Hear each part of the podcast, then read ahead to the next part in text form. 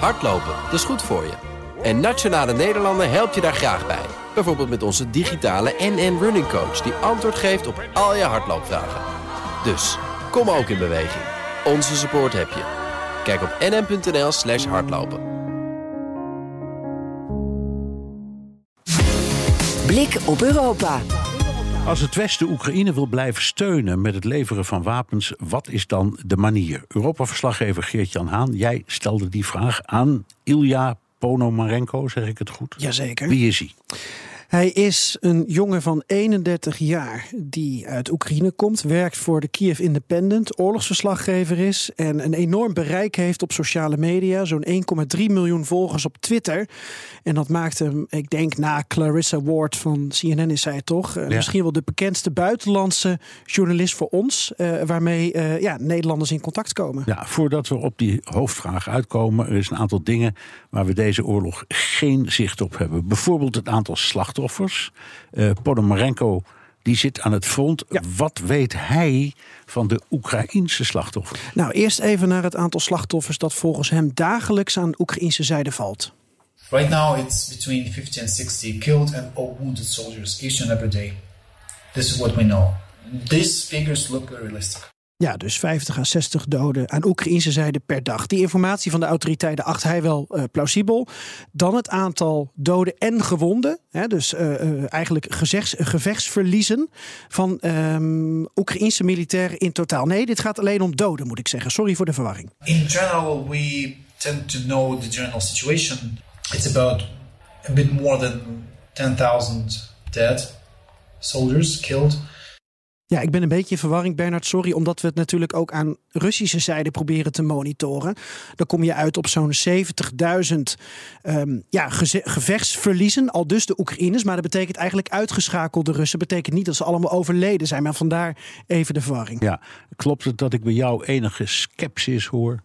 Nou, ik ben er even ingedoken. Want uh, wat ik wist was dat de Oekraïense opperbevelhebber meneer Zalushny... dat hij het eerder had over 9000 dode Oekraïense militairen. Dus Ponomarenko noemt dan 10.000, dat zou dan kunnen.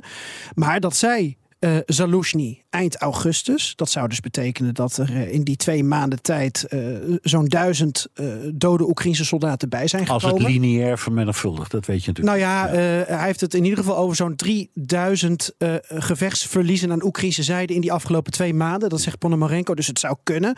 Maar de militair adviseur van Zelensky die had het op 10 juni ook al over om en nabij de 10.000 doden. Dus je snapt wel dat er dan bij mij enige verwarring is over um, uh, wat is hier nou aan de hand.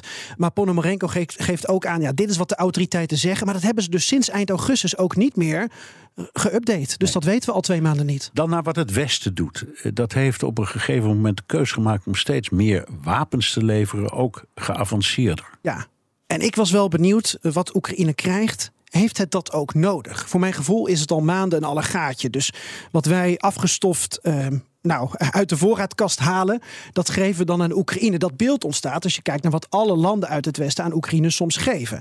Nou, dat is wel veel serieuzer geworden. Hè. Denk ook aan luchtafweergeschut nu, uh, waar nu raketten ook voor worden geleverd namens Nederland. Macron gaf twee weken terug op de Franse tv nog live aan dat de César-kanonnen, dat zijn ook houwitsers, dat die zelfs het verschil hebben gemaakt in de bevrijding van een deel van de Donbass. Dat heb ik door, door militaire deskundigen wel laten ontkrachten. Maar goed, fijn voor Macron. Maar dan zit je wel met de boel vragen dus. Hè?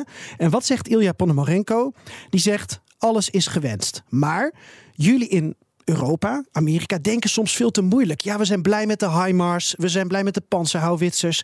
Maar als je kijkt naar wat prioriteit heeft, denk dan aan luchtafweergeschut, denk aan munitie, maar denk ook aan communicatieapparatuur, radio's, tourniquetten, warme kleren, tenten, trucks, vrachtwagens, logistiek en communicatie. Dat zijn punten waar we aan het begin van de oorlog hebben gezien dat het aan Russische zijde niet lekker liep. En dus heel relevant kan zijn in hoe je een oorlog um, deels wint of deels verliest.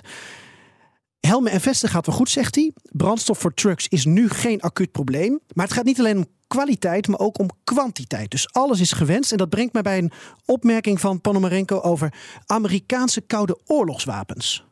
The US provides us with the most modern and the coolest artillery pieces like M777, the glorious ones. And at the same time, the US have um, the US has a, a, huge amount of older weapons, um, M198. Uh, these are like a previous generation howitzers. They are not as modern, they are not as, as perfect, but still they're good. And the US military does not use them. Ja, wapens uit de jaren 70 in de Amerikaanse voorraadkast. Ponomarenko sprak Austin, de Amerikaanse minister van Defensie, twee weken geleden. En vroeg hem dat toen ook. Geef die maar. Toen zei Austin dit. You know, one of the limiting factors is not just the howitzer, but, but it is also the, the uh, ammunition for that howitzer. So, again, we provided them with, uh, with the most accurate weapon uh, in the inventory and also the one that, uh, uh, that uh, can shoot at longer ranges.